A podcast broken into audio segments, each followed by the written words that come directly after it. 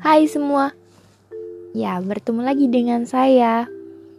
Um, jadi sebenarnya pada episode kali ini saya sih pengen bilang alasan saya kenapa saya bikin podcast. Ya, alasan saya sebenarnya saya gabut gara-gara kuarantin ini. Udah nggak ngapa-ngapain di rumah, tugas banyak. Ya walaupun harus saya selesaiin sih tugas-tugasnya. Mungkin ini juga sudah mulai mau new normal ya. Ya nggak apa-apa lah, baru kesampaian bikin podcastnya.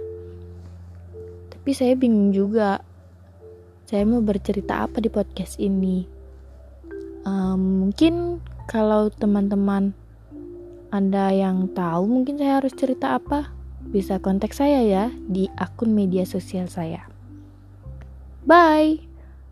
Terima kasih sudah mendengarkan podcast ini.